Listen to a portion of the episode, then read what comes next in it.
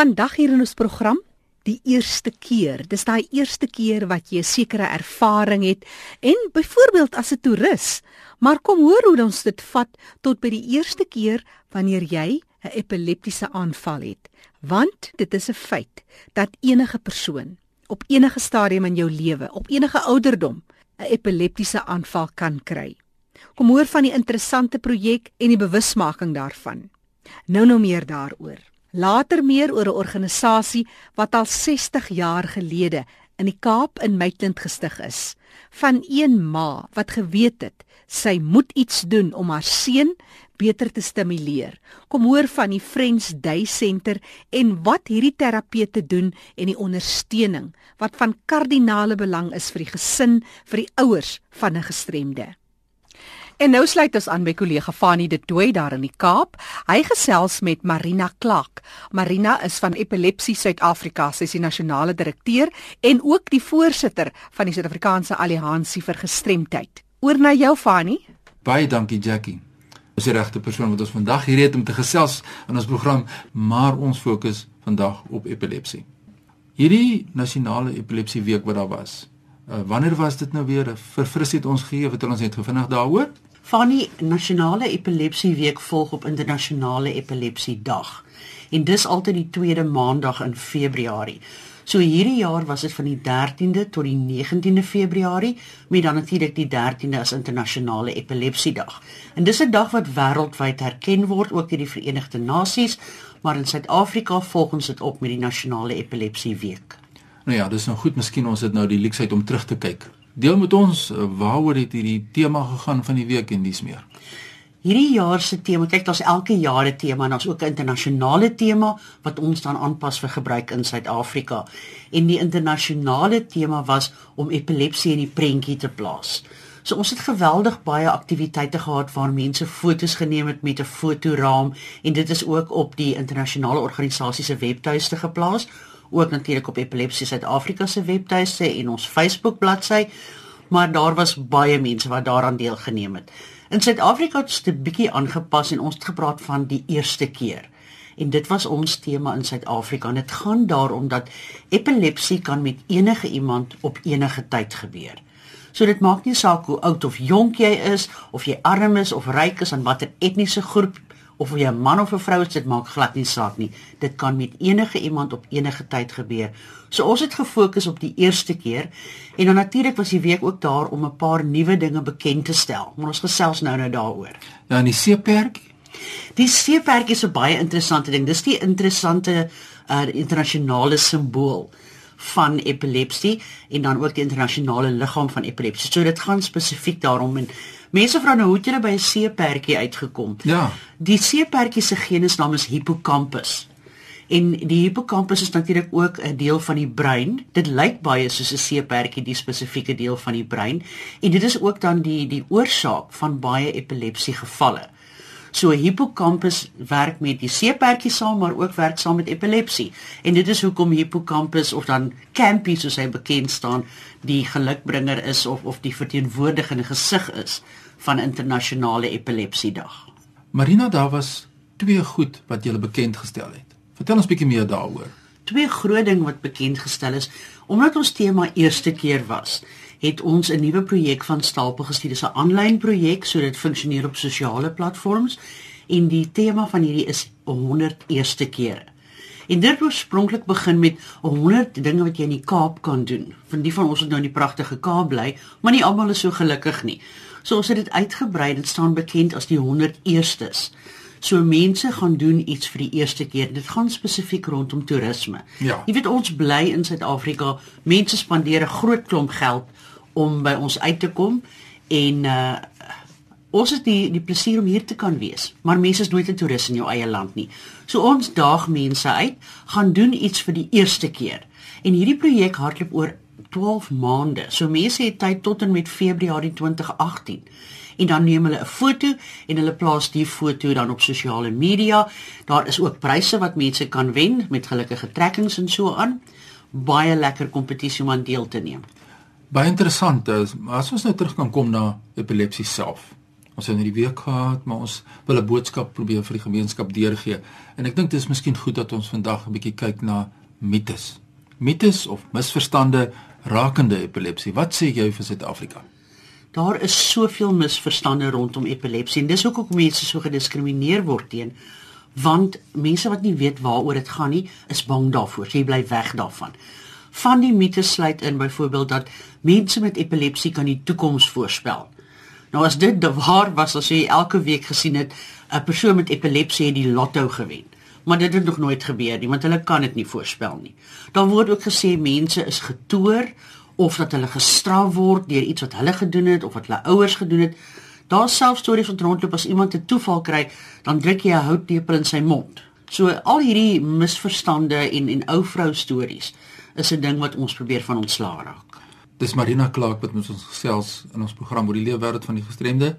Sy is van Epilepsie Suid-Afrika en ons kyk na mites en ons het gesels oor die week wat daar was in Februarie en jy het net toe genoem jy kom met enige iemand oorkom, maar kom ons kom 'n bietjie terug daarna toe en sê uh, wat veroorsaak dit? Dis baie moeilik om te antwoord. In sommige gevalle weet ons wat dit veroorsaak. Byvoorbeeld as iemand 'n uh, traumatiese besering aan die kop of aan die brein opdoen of 'n kind wat tydens geboorte te min suurstof kry, daar kan 'n mens die oorsaak bepaal. Maar in omtrent 3 kwart gevalle van epilepsie is daar nie 'n definitiewe oorsaak nie.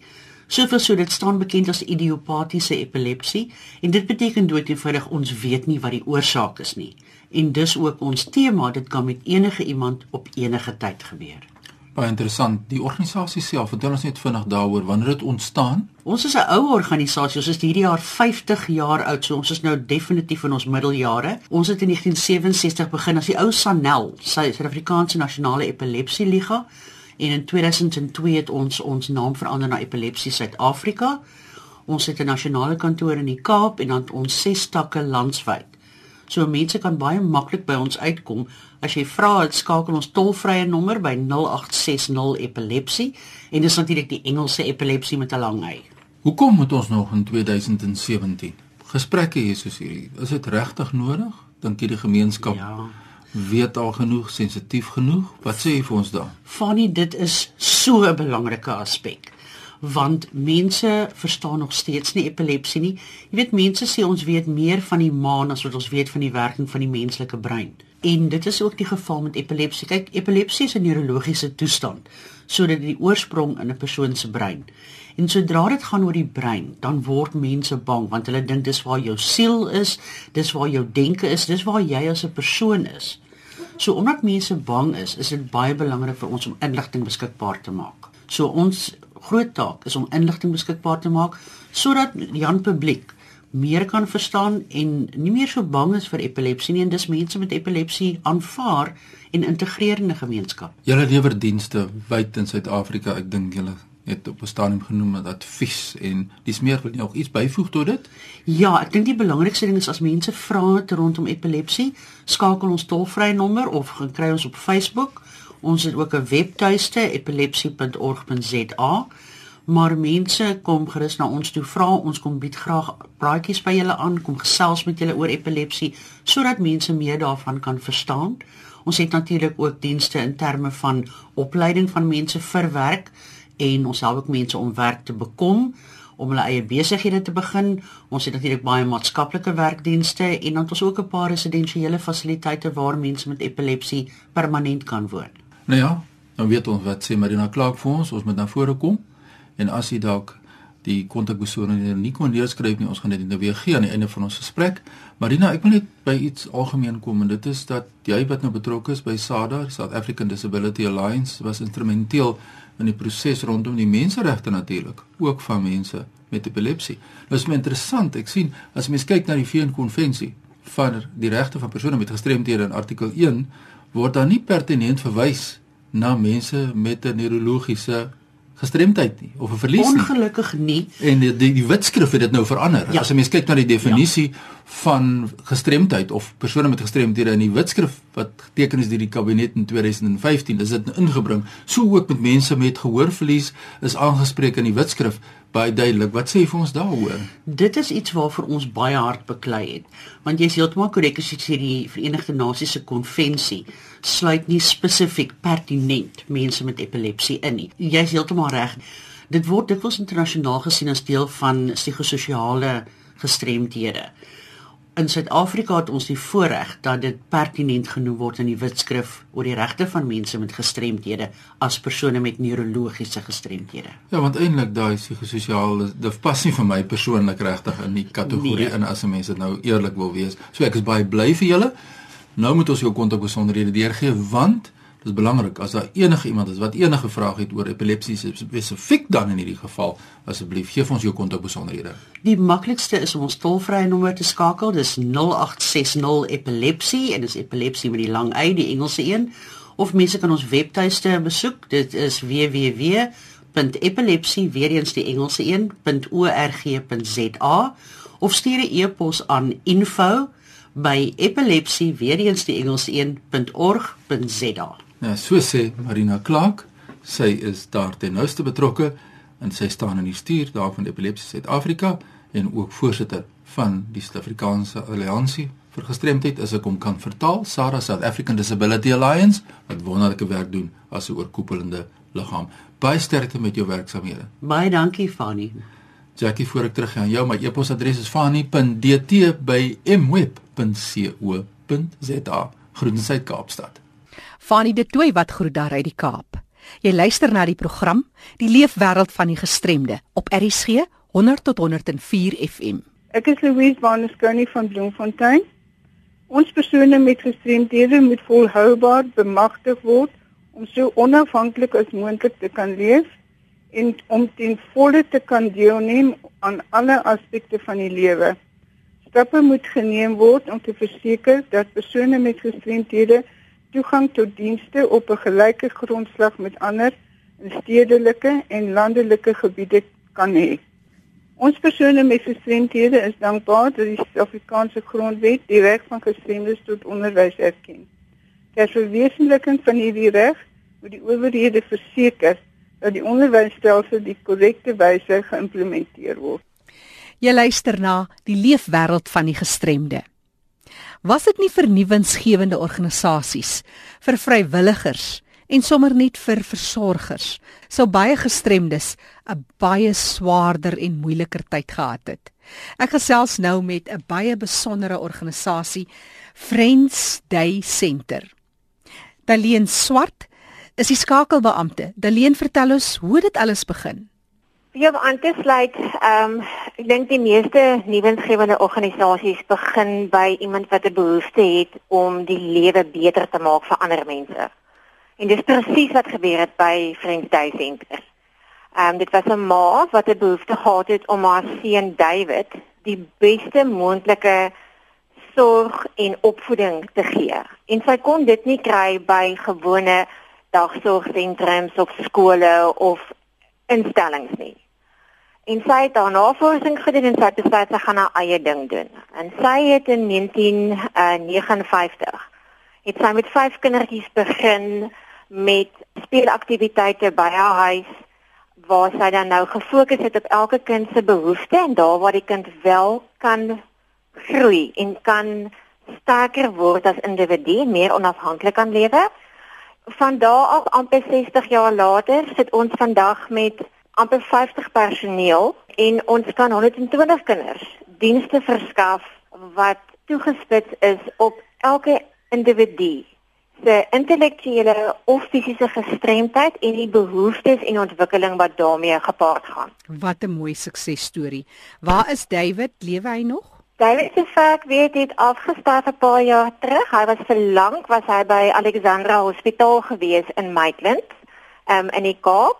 En heel toevallig Friends Day Center is al vir die laaste 40 jaar op dieselfde gronde as wat Alexander Hospitaal is. So dis asof hy vir ons so half van 'n oogie gehou het daar waar hy sy laaste jare spandeer het terwyl die sentrum gegroei het. Uh, julle het 'n wonderlike sentrum en dit is juist die filosofie sê jy om elke kind optimaal te help ontwikkel en julle het verskeie so holistiese benadering van terapie. Vertel ons 'n bietjie meer. Weet jy, ehm um, 'n kind van dag tot dag um, het nie net sorg nodig nie en het nie net aktiwiteite nodig wat fokus op die sensoriese ontwikkeling of op die intellektuele groei nie. So oor 'n jaar het ons begin kyk om die dienste van terapeute aan die kinders en die families bekend te stel. So vandag sit ons met twee voltydse fisioterapeute waarvan ehm um, Donay een is, sy is ons senior ehm um, fisioterapeut. Ons het ook 'n uh, voltydse spraakterapeut en ons is besig met onderhoude om 'n tweede spraakterapeut ehm um, aan te stel. En deel van die terapieprogram Ek dink mense raak altyd opgewonde as ek vir hulle sê wanneer jy kom kuier, kan jy amper jou swembroek saambring want ons het 'n jacuzzi. Hmm. Ehm um, en ons gebruik ons jacuzzi vir hydroterapie. Ehm um, en dit skakel verskriklik mooi in by fisioterapie vir alles wat kom by kinders wat uh, cerebraal gestremd is of wat fisiese gestremdhede het.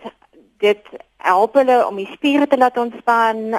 Dit ondersteun die lyf as, as hulle wil hê hulle moet onafhanklik begin staan. Maar ook die warm water maak die lyf lekker so jy kan meer strek met hulle doen wat jy dan nie kan doen buite kan die water nie. Wanneer jy self speel op die grond, dan kyk ons na hoe die kind moet beweeg. Ons wil nie hê dat hulle op elke vlak, op elke terapie wat hulle deelneem, maksimaal ontwikkel en blootgestel word aan dit wat moontlik is vir hulle om te bereik en hulle dan aan te moedig om soontoe te groei. So Donay Dekozel is julle senior uh, fisioterapeut en sy doen die neurologiese ontwikkelingsterapie. Dan jy kan meer vertel oor die rol van terapeute en die noodsaaklikheid van ouers om betrokke te wees. Soveel soos die kind leer deur middel van fisioterapie, leer die ja. ouer dit saam met die kinders. Jy weet jy, as jy terapeut toe gaan, gaan dit net 1 uur of 2 uur vir in 'n week, maar dis wat jy elke dag met jou kind doen wat die verskil maak. Dis hoe jy jou kind se doek verander, dis hoe jy jou kind se tande borsel, dis hoe jy jou kind in en uit die bed help om te leer hoe om te doen sodat jy jou kind help om dit meer onafhanklik te doen. Denay, en as jy dit sê, dan dink ek nou onwillekeurig daaraan. Dit maak nou nie saak of jou kind 'n gestremdheid het al dan nie, dit is daai houding teenoor hoe jy jou kind help om uiteindelik dit self te wil doen. Ja, ek dink dit is waar, maar ek dink omdat kinders met cerebraal wat cerebraal gestremd is, hulle vra nie om dit self te doen nie. So dit is baie maklik om dit net te doen, want dit gouer en jy doen dit net, jy trek hulle aan, jy voer hulle, jy sit hulle in die bus. Dit vat vir hulle 'n lang tyd om daai goed te leer. So as jy net so 'n bietjie ekstra tyd kan vat sodat jy vir hulle kan leer hoe om dit self te doen of om jou te help om dit te doen. Jy weet normale kinders, hulle hulle sê okay, nee, ek wil nie, jy moet nie meer voer nie, ek wil myself voer. Mm. Hierdie kinders is baie gelukkig om daar te sit en om gevoer te word. Maar jy moet vir hulle sê nee, jy kan dit doen, jy kan dit doen. En as jy net elke dag so 'n bietjie doen, dan eendag sal sien jy nou kan hulle myself voer, maar as jy dit nie daai tyd vat nie, dan sal hulle skielik 20 en jy voer hulle nog is 'n baie fisiese ding wat jy van praat, maar jy is ook besig om jou kind geestelik te versterk dat dis die vertroue ja. wat jy in hom bou. Nee, en dat hulle voel dat daar 'n plek is vir hulle in die wêreld en hulle kan dit self doen. En dat hulle keuse het. Want as iemand jou voer, dan weet jy nie 'n keuse hoe vinnig jy eet nie, wanneer kom die kos, hoeveel jy, maar as jy jouself kan voer, dan het jy 'n keuse en dit is 'n baie belangrike ding om te hê. Donay Dekozel is 'n neurologiese ontwikkelingsterapeut by Friends Day Centre in Maitland in die Kaap. Nee, as jy 'n paar idees kan deurgee vir versorgers vir ouers, wat sou jy met ons deel? Almal kan nie weekliks by 'n terapeut uitkom nie. Wat ek vir ouers wil sê is dat dit 'n lang pad, waar ook kan hulle help kan kry dan moet hulle maar die help wat vir hulle werk, moet hulle dit maar aanpas aan hulle lewens. En om nie te glo as iemand vir jou sê hulle kan dit môre regmaak nie, dan dan weet jy hulle praat nou net nonsens en hulle wil net help hê en dit gaan nie werk nie, want dit is 'n lang pad. Of 'n terapeute of dokters of wie ook al is. Mense wat praat dieselfde taal as wat jy praat en wat jy verstaan en makliker maak jou lewe makliker maak en jou kind se lewe makliker maak. En as dit nie vir jou reg voel nie, dan jy's die ma en jy weet 100% beste vir jou eie kind wat reg is en wat voel reg en wat nie reg voel nie. En as iemand jou sê jy moet iets doen wat nie vir jou reg voel, dan moet jy meer gaan uitvind en sien hoekom hoekom het hulle dit gesê, waar kom hulle vandaan en nie net te glo wat mense vir jou sê nie. By julle versorgsentrum het julle verskeie terapieë, fisio, hidroterapie, spraakterapie om maar 'n paar te noem. Maar hoe gaan 'n ouer dit alles benader? wat sukkel my kind meeste mee? Wat is sy probleem en watter terapie gaan hom beste help? Vir elke familie is dit anders. So daar's nie een ding wat vir elke kind gaan werk nie.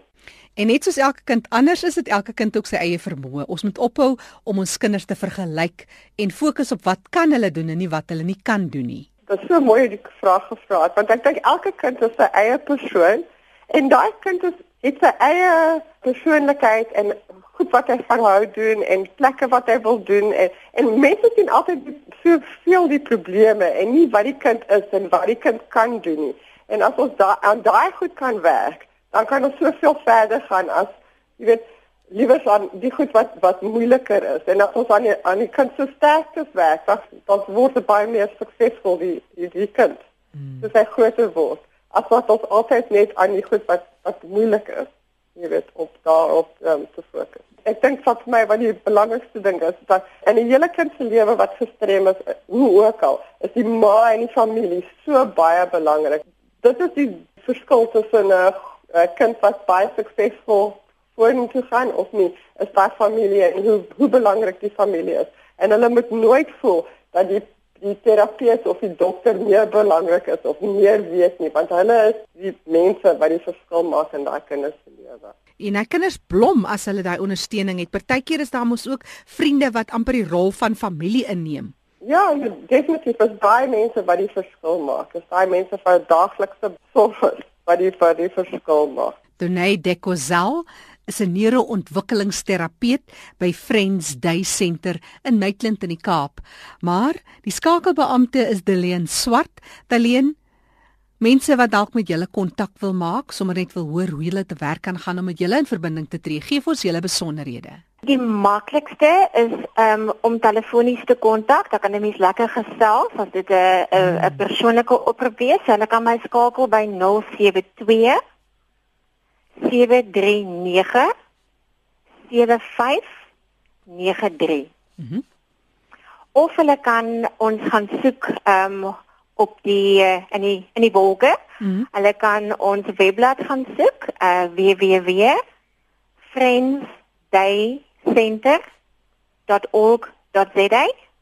Maar ek dink deesdae is almal so op op Facebook. Mm. Hulle kan net ons naam begin intik en dan kan hulle net kyk vir die rolstoel um icons wat sê FDC En dan kan hulle volg en kyk wat ons daar doen. Ons is relatief aktief daarso en dis waar jy baie inligting en interessante foto's gaan sien van wat ons doen en wie ons is. En so gesels Deleen Swart sy is van die Friends Day Center. Net weer hulle webtuiste friendsdaycenter.org.za of jy kan vir Deleen skakel by 072 739 7593. Dis ons program die leefwêreld van die gestremde elke Sondag aand. Onthou jy kan weer gaan luister. Dis beskikbaar as 'n potgooi. Gemaak 'n draai op erisg.co.za en kyk na interessante video's en skakels en fotos van ons deelnemers. Ek is Jackie January en as jy enige ander navrae het of terugvoer, stuur gerus 'n SMS. 45770. 'n SMS kos jou net R1.50. Groete van my tot 'n volgende keer.